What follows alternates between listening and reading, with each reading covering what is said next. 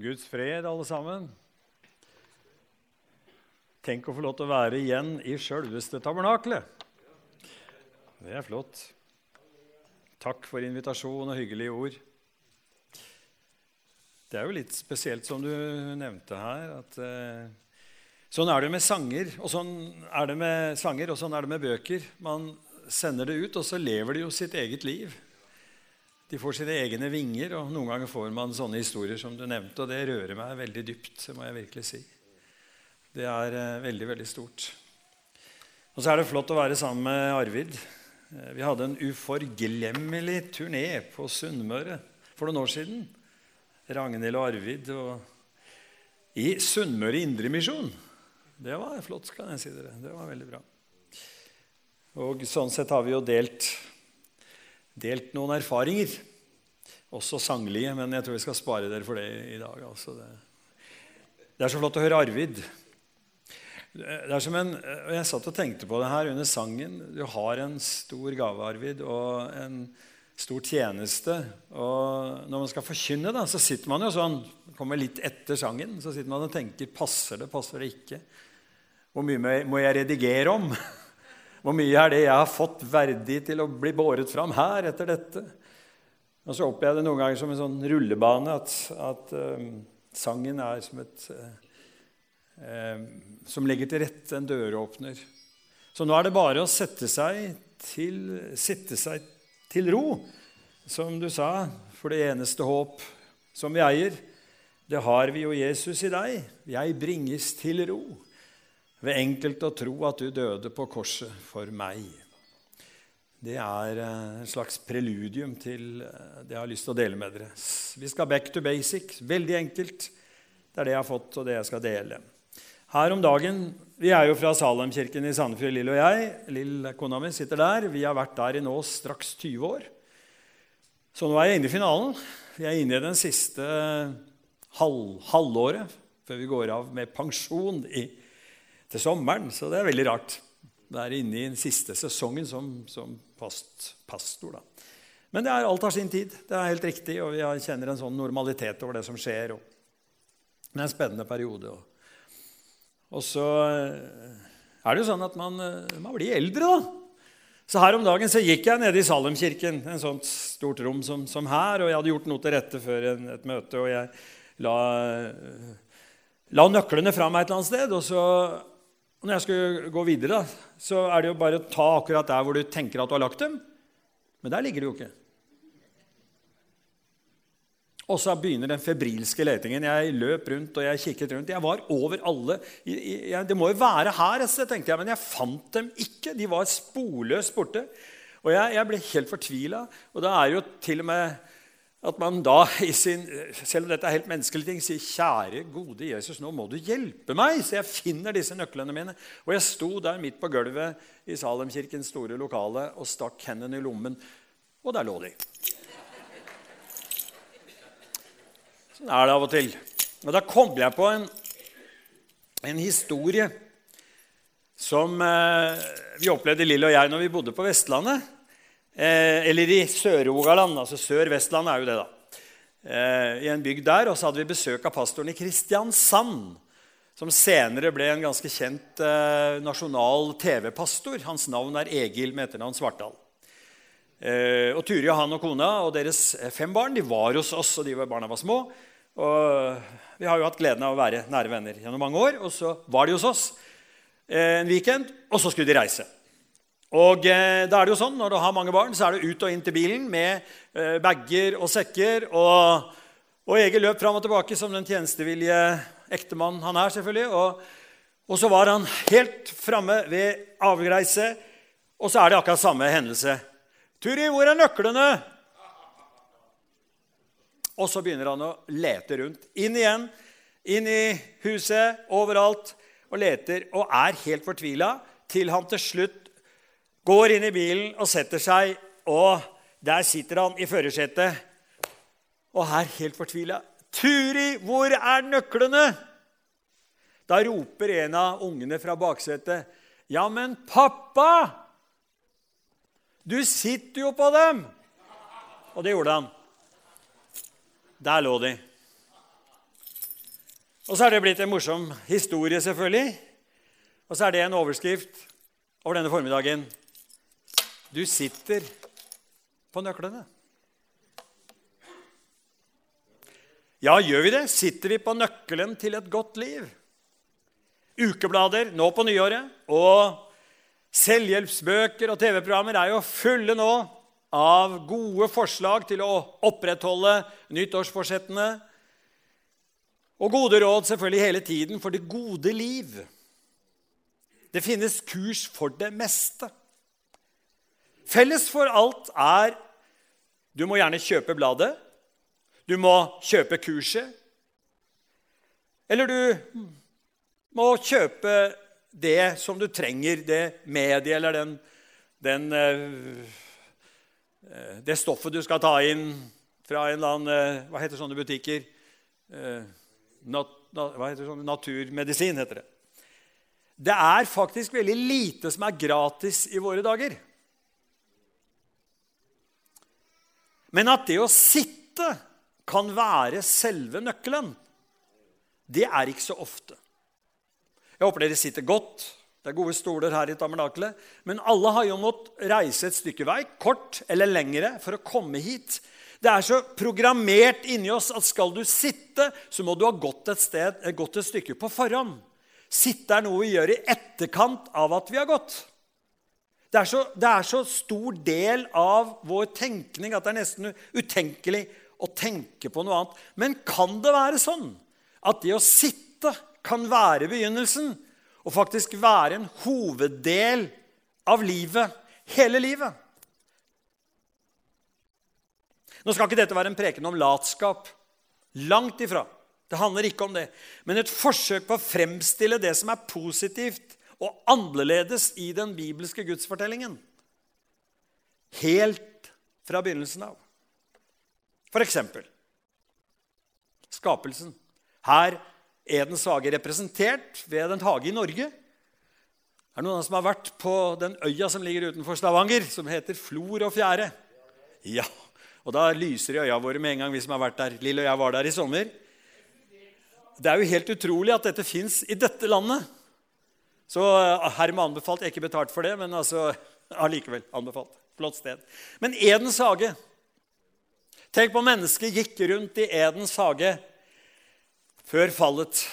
Men hagen, eller begynnelsen, slik som det er beskrevet i åpningsordene i vår bibel, er en vakker fortelling om et, et, et, et tidlig evangelium.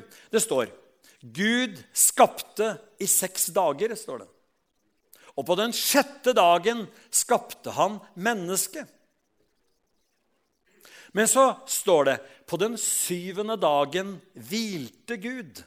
Det betyr at den første dagen mennesket slo opp sine øyne, var en hviledag. Ikke en arbeidsdag. Det er som et forevangelium, et tidlig evangelium, som da blir oppfylt i evangeliet som er gitt oss av nåde gjennom Jesus Kristus men det er det som er budskapet, som er annerledes enn all menneskelig tenkning. Du starter med å hvile. Den første dag er en hviledag. Mennesker skulle sannelig lære seg leksa og arbeide. Streve, gjøre. Og selv om vi oppnådde mye gjennom tidsaldrene, for det har vi gjort som menneskehet, fant vi aldri fred i sjela vår selv om vi ble aldri så flinke. Og så dypt ligger det å måtte gjøre noe for å få sjelefred at en veldig from mann en dag kom til Jesus og spurte, 'Hva skal jeg gjøre for å få evig liv?' La oss lese. Et medlem av rådet kom og spurte ham, 'Gode mester, hva skal jeg gjøre for å arve evig liv? Men Jesus sa til ham, 'Hvorfor kaller du meg god?' Ingen er god uten én. Det er Gud. Du kjenner budene. Du skal ikke bryte ekteskapet. Du skal ikke slå i hjel. Du skal ikke stjele. Du skal ikke vitne falskt. Du skal hedre din far og din mor. Han svarte, Alt dette har jeg holdt fra jeg var ung. Da Jesus hørte det, sa han til ham, Én ting mangler du ennå. Selg alt du eier, og del ut til de fattige. Da skal du få en skatt i himmelen. Kom så og følg meg. Men da mannen hørte dette, ble han dypt bedrøvet, for han var svært rik. Jesus' svar er flertydig. Selg alt du eier, og gi til de fattige. Kom så, følg meg. Du kan oppfatte det i hvert fall på to måter. Det ene er kvitt deg med alt. Og så er det så vanskelig. Kvitte seg med halvparten det hadde vært vanskelig hvis du er veldig rik. Det rare er jo det at det ser ut som givergleden minsker med håper å si millionene eller milliardene. En fattig kvinne kom med en liten pengemynt, og Jesus satt ved tempelkisten, og hun ga den. Og andre kom og gav av sin overflod. Hun gav alt hun eide. Ja, men det er jo greit, det var jo bare en mynt. Men det var alt hun hadde. Hun kvittet seg med alt. Hun gav alt hun hadde. De andre gjorde ikke det. Det er rart, og vi kan prøve oss selv, og jeg må prøve meg selv, at det ser ut noen ganger som om givergleden minsker når lønna øker. Ikke alltid. Men det er vanskelig å, å tenke seg de aller rikeste være de som supporter Guds rike. Jesus spør han altså å gjøre det umulige. Det andre forståelsen av det er jo den absolutte fattigdom. Altså den absolutte avhengighet. Salig er de fattige i ånden, for himmelriket er deres. Den absolutte avhengighet. Er vi villige til det? Til å være helt avhengige? Mannen var jøde. Og jødedommen står fremst blant religionene når det gjelder Guds åpenbaring. Det var jo til dem Gudsordet ble betrodd. De fikk oppdraget å forme og gi oss ordet, Det gamle testamentet, først. De var bærere av åpenbaringen om den ene, sanne Gud, i motsetning til alle småguder i alle andre religioner. Så var det jødene som fikk dette gjennom åpenbaringen til Moses, f.eks., hvor Moses står der ved den brennende busk, og Herren taler og sier, 'Jeg er den jeg er. Jeg er.' Det var aldri hørt blant mennesker før. Det eneste ordet du altså kan nærme deg den evige guddom med, er dette evige 'Jeg er'. De hadde en enestående offertjeneste som dekket det meste. Men det manglet noe. Hør hva Hebrebrevets forfatter sier. Når Hebrebrevets forfatter, som jo er i første rekke Hebreer er jo det samme ord som jøde. Eh, når Hebrebrevets forfatter skal til nyomvendte jøder fortelle forskjellen på jødedom og kristendom, fortelle for folk som kanskje etter hvert begynte å bli anfektet For hva var husmøter i enkle kristne forsamlinger mot tempeltjenesten? Den var jo vakrere, større, mer spektakulær og mer håndgripelig enn et enkelt bønnemøte i et husmøte et eller annet sted i jødeland eller i diasporaen, altså i hedningeland i det store Romerriket. Hvordan skulle han forklare det? Da sier han dette til dem. Alle prester står daglig og gjør tjeneste og bærer gang på gang frem de samme ofrene som aldri kan ta bort synder. Alle prester står daglig og gjør tjeneste. Kontinuerlig i en stående tjeneste. Det er religionenes skjebne, det. Å ha en kontinuerlig offertjeneste som egentlig aldri nytter. Jeg har tenkt på hvor lenge kan et menneske stå? Tenk om det hadde finnes, vært et mesterskap i ståing. Litt sånn 'Mesternes mester'. Jeg har sett på noen av programmene, og da er det balansegang. Det som skjer, er at etter en stund, faller den første. Etter en lengre stund faller den andre. Og til slutt har alle falt. For man kan ikke stå uendelig. Ingen greier det. Ingen greier det. Selv de mest prektige, selv de mest, de mest veltrente kan ikke stå uendelig. Det er altså en endeløs kamp for et offer som egentlig ikke nytter, som ikke tar bort synd. Som Hebreerbrevets forfatter beskriver i den jødiske offertjenesten. Så kommer det motsatte. Verset etter kommer dette. Men Jesus har for alltid båret fram ett eneste offer for synder og satt seg ved Guds høyre hånd. Enda så høyverdig jødenes offertjeneste var, blir den altså ingenting mot Jesu offertjeneste. På den ene siden en aldri hvilende offertjeneste. På den andre siden en offertjeneste som gir hvile. Sjelen den trenger til hvile. Hva skal vel bringe den ro? Skal jeg da frykte og tvile? Nei, jeg på Jesus vil tro. Det eneste håp som jeg eier, det har jeg jo Jesus i deg. Jeg bringes til ro ved enkelt å tro at du døde på korset for meg. Mannen som du nevnte, som ikke kunne tro seg frelst. Det er jo her det ligger. Vi kan ikke gripe dette, men vi kan gripes av dette. Vi kan gi oss over til dette. Vi begriper det egentlig aldri. Men vi kan la oss gripe av det og være i det. Det var slik, Jesus, eller var slik Gud selv kom til oss når vi feiret julen nettopp. Så var det jo det som var selve juleevangeliet, det lille hjelpeløse barnet. Og menneskehetens komme til verden er jo som i den første skapelsen. Vi kommer hvilende. Er ikke så lenge siden. tenkte på barna som gikk til søndagsskole her. Som de var små. Og vi som er her, har barn, barnebarn kanskje, oldebarn til og med. Og vi ser, ser dette hvilende vesenet. Totalt avhengig. Det er et bilde på det vi er i Kristus hele livet. Det eneste vi kan gjøre, er å ta imot. Et godt eksempel finner vi i Markus, det andre kapittelet. Det er en utrolig vakker fortelling. Tidlig Markus. Markus hopper over juleevangeliet, hopper over alt. Han går rett inn i Jesu tjeneste. Og Allerede i det andre kapitlet kommer dette. Jesus har flyttet til Kapernaum, denne landsbyen som ligger ved bredden av Genesarets sjø. Kaffer Nahum, eller Nahoms landsby, som det betyr. Der bodde Jesus. Der var han for det meste og vendte tilbake dit. Og nå var han etter en reise kommet hjem, og det er fullt hus.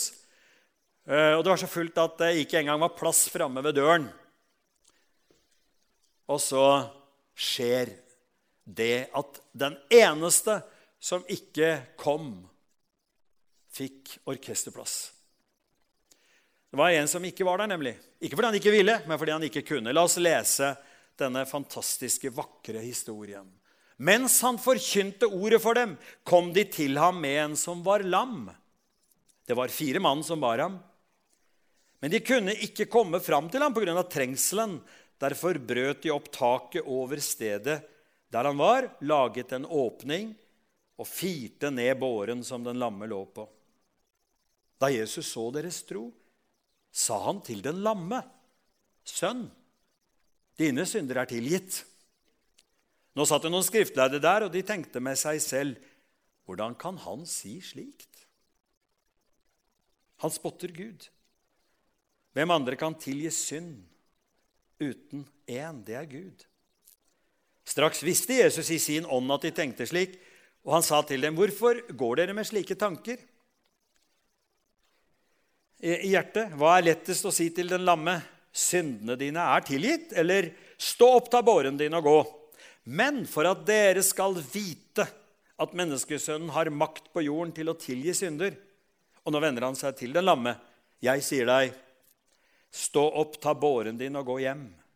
Og mannen reiste seg, tok straks båren og gikk ut rett for øynene på dem, så alle ble ute av seg av undring. De priste Gud og sa, noe slikt har vi aldri sett. Nei, det skal jeg si deg. Dette er helt nytt. Dette fins det ikke maken til. Let i alle religioner. Du finner ikke noe som dette. Hva er det som skjer? Han får syndernes forlatelse hvilende. Han kan ikke gjøre noen ting. Han er lam. Han får det som en gave. Det står ikke at han har tryglet og bedt. Det står ikke at han har grublet seg til, til eh, enden for å prøve å finne dette. Men han får det rett i fanget, der han ligger på gulvet og ikke kan gjøre noen ting. Det er evangeliet. Og så sier Jesus en sjelden gang så sier han faktisk dette. Han gjør noe veldig sjeldent. Han beviser overfor sine motstandere. Slik gjør Jesus veldig sjelden. Han beviser sin makt til å tilgi synder ved å helbrede. Det er uforståelig for noen, det er uforargelig for de andre som var der. Men det er bare Gud som kan gjøre dette. Og det er i Guds hender vi er. Vi mottar nådens gave, frelsens gave, hvilende. Vi sitter på nøklene. Og så rokker denne scenen ved våre fastlåste bilder eller mønstre på hvordan mennesket blir frelst. Vi har jo våre tanker hvordan mennesket blir frelst. Og I våre tradisjoner så har det jo vært liksom første benk, knele, gråte, høre synderens bønn. Mora mi var av den gamle skolen, salige mamma. Jeg får fortelle denne lille historien. Vi hadde et lite bedehus utafor der vi bodde. Og, og, Vi var der en del, da. Og, og, der var det en mann som gikk på møtene. Og han, han hadde rykte på seg for ikke å være ordentlig frelst. Eh, han røyka nemlig. Og det gjorde ikke frelste mennesker der ute på den kanten i de dager. Og det bør man jo ikke gjøre heller. Men han hadde, eh, det var forskjellige ting. ja. Men han sang med på sanga, og det irriterte moren min. Han sang av full hals. Han sang høyere enn de andre. Og vet du hva mamma sa? Hun sa det. Og han har ikke vært på kne engang, sa I hvert fall har ikke jeg sett det. Så sånn var det altså i de dager. Altså Vi kan lage mønstre på hvordan dette skal være. Om de er ordentlig kommet igjennom, sa noen i andre miljøer. Om man hadde bilder av hvordan det skal være. Og Pietismen var jo fullt av dette. Du skal ha rett anger og rett ruelse og, rett omvendelse og rett botsgang. Og det var så mange sånne retter du skulle ha før du kunne si om dem at de var kommet igjennom. Ja, det er mange skjemaer. Jesus bryter dette skjemaet gang på gang. Han tilbyr og gir gaven, frelsens gave, på forskjellig vis til mennesker. Det er nesten så det er litt forvirrende. Og her sier han altså til en mann som tilsynelatende ikke har spurt, 'Jeg gir deg frelsens gave. Syndene dine er tilgitt.' Det han først og fremst vil vise oss, tror jeg, i dette er at vi sitter på nøklene. Vi mottar det liggende, vi mottar det settende. Altså, det er ikke noe vi kan gjøre. Han rokker ved alle våre religiøse forestillinger om hva frelse er, og hvordan vi får den. Hør bare hva Paulus sier i disse nøkkelversene om frelsen i Efeserbrevet. Men Gud er rik på barmhjertighet. Fordi han elsket oss med så stor en kjærlighet. Gjorde han oss levende med Kristus, vi som var døde på grunn av våre misgjerninger. Av nåde er dere frelst. I Kristus Jesus har han reist oss opp fra døden sammen med ham og satt oss i himmelen med ham. Slik ville han i de kommende tider vise hvor overstrømmende rik han er på nåde, og hvor god han er mot oss i Kristus Jesus. For av nåde er dere frelst ved tro. Det er ikke deres eget verk, men Guds gave. Det hviler ikke på gjerninger for at ingen skal skryte av seg selv. For vi er Hans verk, skapt i Kristus Jesus til gode gjerninger, som Gud på forhånd har lagt ferdige for at vi skulle vandre i dem. Er det grammatikalsk feil her? I Kristus hadde, hadde, hadde, jeg hatt hånd om utgaven uten å ha Guds ånd, så hadde jeg skrevet i Kristus har han reist oss opp oss, og, fra døden sammen med han og kommer til å sette oss i himmelen med ham en gang når vi er framme. Det er logikken. Det står ikke det. Vi starter hvilene. Vi er der allerede. Frelsen er fullkommen. Det går ikke opp i hodene våre. Vi får det ikke til å stemme. Det er Bibelens ord som sier det. Kristus ser på oss, den evige Gud, Fader, ser på oss som at vi allerede er framme. Vi er satt der hvor han er satt. Han satte seg etter offerhandlingen, leste vi fra i brevbrevet, og vi er satt der med ham. Det er frelsen. Du sitter på nøkkelen. Nøkkelen, ja. Og vi sitter med, nøk og vi sitter med nøkkelen. Det står et forunderlig vers, et helt spesielt utsagn av Jesus når han, en av de få gangene han snakker om den eklesia, den menighet som han skal grunnlegge ved sitt offer på Golgata og ved sin oppstandelse. F.eks. i Matteus 16. Hør. Og jeg sier deg, du er Peter, og på denne klippen vil jeg bygge min kirke. Og dødsrikets porter skal ikke få makt over den. Jeg vil gi deg himmelrikets nøkler. Det du binder på jorden, skal være bundet i himmelen, og det du løser på jorden, skal være løst i himmelen. Ja, det er et omdiskutert bibelavsnitt. Og, det er, og Betydningen av disse versene oppleves forskjellig i den verdensvide kirke. Katolikkene de tar dette bokstavelig. Paven har han kan lyse mennesker i bann. I deres forståelse sitter jo paven på Peters stol. Og det var gitt personlig til Peter. Så når Martin Luther blir lyst i bann for 500 år siden etter sitt opprør mot den katolske kirke, sin egen kirke, så blir han kastet ut. Han ble bundet på jorden. Slik oppfattet de det. Andre snakker om kirketukt selvfølgelig, og utstøtelse. Men moderne mennesker vil vel kunne oppfatte særlig den, siste, den delen der med å binde som en type kirkelig maktmisbruk. Det blir lett misforståelser av sånne ord i dag. Hva er det viktige her, og hva er det riktige her? Jeg syns det er spennende å studere Jesu liv og Jesu handlinger og se dette verset og disse versene i lys av det. Og Vi må ikke glemme at hovedbudskapet her er å løse, låse opp. Studerer vi evangeliet om om Jesus og hans møte med mennesker under ett, så ser vi at han kontinuerlig låser opp Guds rike for en helt ny gruppe mennesker. De underprivilegerte, de utstøtte, f.eks. lispedalske. spedalske, de utenforstående, f.eks. samaritanerne, og etter hvert for hedningene som var utenfor. Jesus låser opp for mennesker som i utgangspunktet er utenfor, og løfter mennesker opp. Og så låser han igjen for de som opphøyer seg selv. Typisk bibelvers på dette kan være fra Lukas evangeliet, hvor Jesus forteller denne historien om de to som gikk til tempelet for å be. Her er vi mange kommet sammen for å be for å søke Gud, for å opphøye Herren. Og det er alltid fint å speile seg i ordet. Har jeg noen gang kommet med denne innstillingen? Eller hvem av disse er jeg? To menn gikk opp til tempelet for å be. Den ene var fariseer, den andre toller. Fariseeren stilte seg opp for seg selv og ba slik.: Gud, jeg takker deg for at jeg ikke er som andre mennesker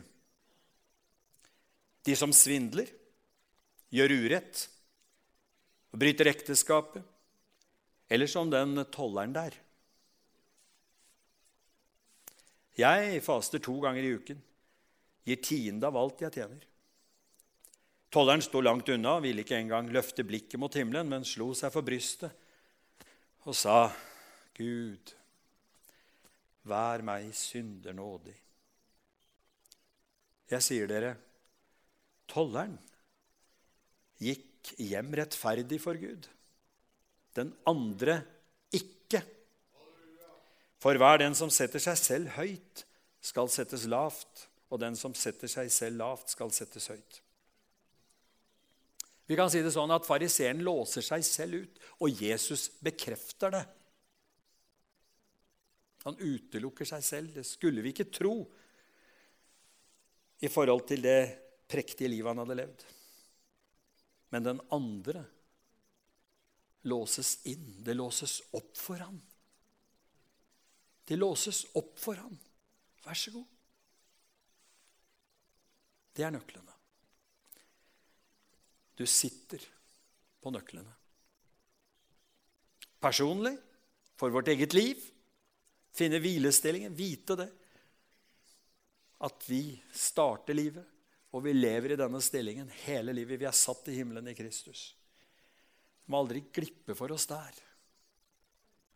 Det er der vi må få lov til å være. Så skal vi få gå inn i de ferdiglagte gjerninger som han har lagt ferdig. Og det er heller ikke strev. Vi kommer til å streve, vi kommer til å jobbe, vi kommer til å svette. Det er mye i livet som skaper svette. Men den kristne troen dypest sett gjør ikke det. Heller ikke de gjerninger han legger ferdig, for det er i overensstemmelse med det vi er. Så hender det vi må påta oss ting som ikke er sånn. Sånn er det for voksne mennesker. Vi er ansvarlige mennesker. Vi må gjøre ting som ikke er laga for oss. Selvfølgelig er det det. Men kristentroen er bærende hele livet. Jesus er nøkkelen. Da den gamle Johannes satt på Patmos som fange, eldre enn de fleste av oss her, han var sannsynligvis oppimot 90 år, så kanskje han til og med tenker og mimrer om tidligere dager da han som tenåring ble en disippel av Jesus. Og nå var det mest lidelse og fortvilelse. Hva er framtida? Kanskje det til og med for han kunne være mørkt når han speider ut i horisonten og ser bare havet og om natten bare mørket. Da kommer Herren og åpenbarer seg for ham, legger hånden på ham. Han faller ned for ham som en død, står det, for hans føtter. Men han la sin høyre hånd på meg og sa, frykt ikke. Jeg er den første og den siste og den levende. Jeg var død. Men se, jeg lever i all evighet, og jeg har nøklene til døden og til dødsriket. Det løste Johannes. Han fikk se inn i fremtiden. Han fikk se han som har nøklene for, til døden og dødsriket. Og jeg tenker at den som har nøklene til døden, har nødvendigvis nøklene til alt. Så la det være vårt budskap her i formiddag. Helt enkelt. Du sitter på nøklene. Glem det aldri. Kanskje det bare ble en påminnelse på noe du vet, og som er dyrebart for deg. Sånn er jo forkynnelsen til tider. Vi må gjenta dette igjen og igjen. Og Så sitter vi der, så jeg har lovt Lill at jeg skal ha med et bilde bestandig. Og det er dette, når vi ber. Her står vi og speider inn i vår framtid. Det er, ikke, det er, det er ingen av våre barnebarn. Det er en, bare en ren illustrasjon, men jeg syns den er så vakker. Og vi speider fram og tenker åssen går det? Åssen skal det gå i verden? Åssen skal det gå med familien vår? Åssen skal det gå med meg? Hvordan, hva, hva, venter oss? Men vi har en han. Vi har et holdepunkt. Noen ganger er det diffust, noen ganger er det uklart. Noen ganger ser vi det ikke så tydelig som vi ser alt det andre vonde. Men det er der. Og det er det jeg vil minne om denne formiddagen. Skal vi be. Herre Jesus, takk at vi sitter på nøklene. La det ringe i ørene for oss når bekymringene kommer for vår evige helse og frelse. Når vi kommer i tvilstanker, som vår venn fortalte om her om sin venn. Eller vi tenker på andre Jesus og andre ting. At vi får sitte, på, sitte i være i dette, i denne posisjonen. Og se vår avhengighet av deg, og se hvileposisjonen i deg at det er den bærende kraften i vårt liv. Herre Jesus, ta hånd om oss. Stell pent med oss. Og gi oss å tenke stort om din frelse. Du gir den til alle slags mennesker. At vi som kirke, som menighet, kan få være med å være en døråpner, en nøkkel for mennesker i vår tid. Og låse dem inn, lukke dem inn ved vårt liv og ved vår forkynnelse og ved vårt vitnesbyrd. Herre, jeg ber om det. I Jesu navn. Amen. Amen.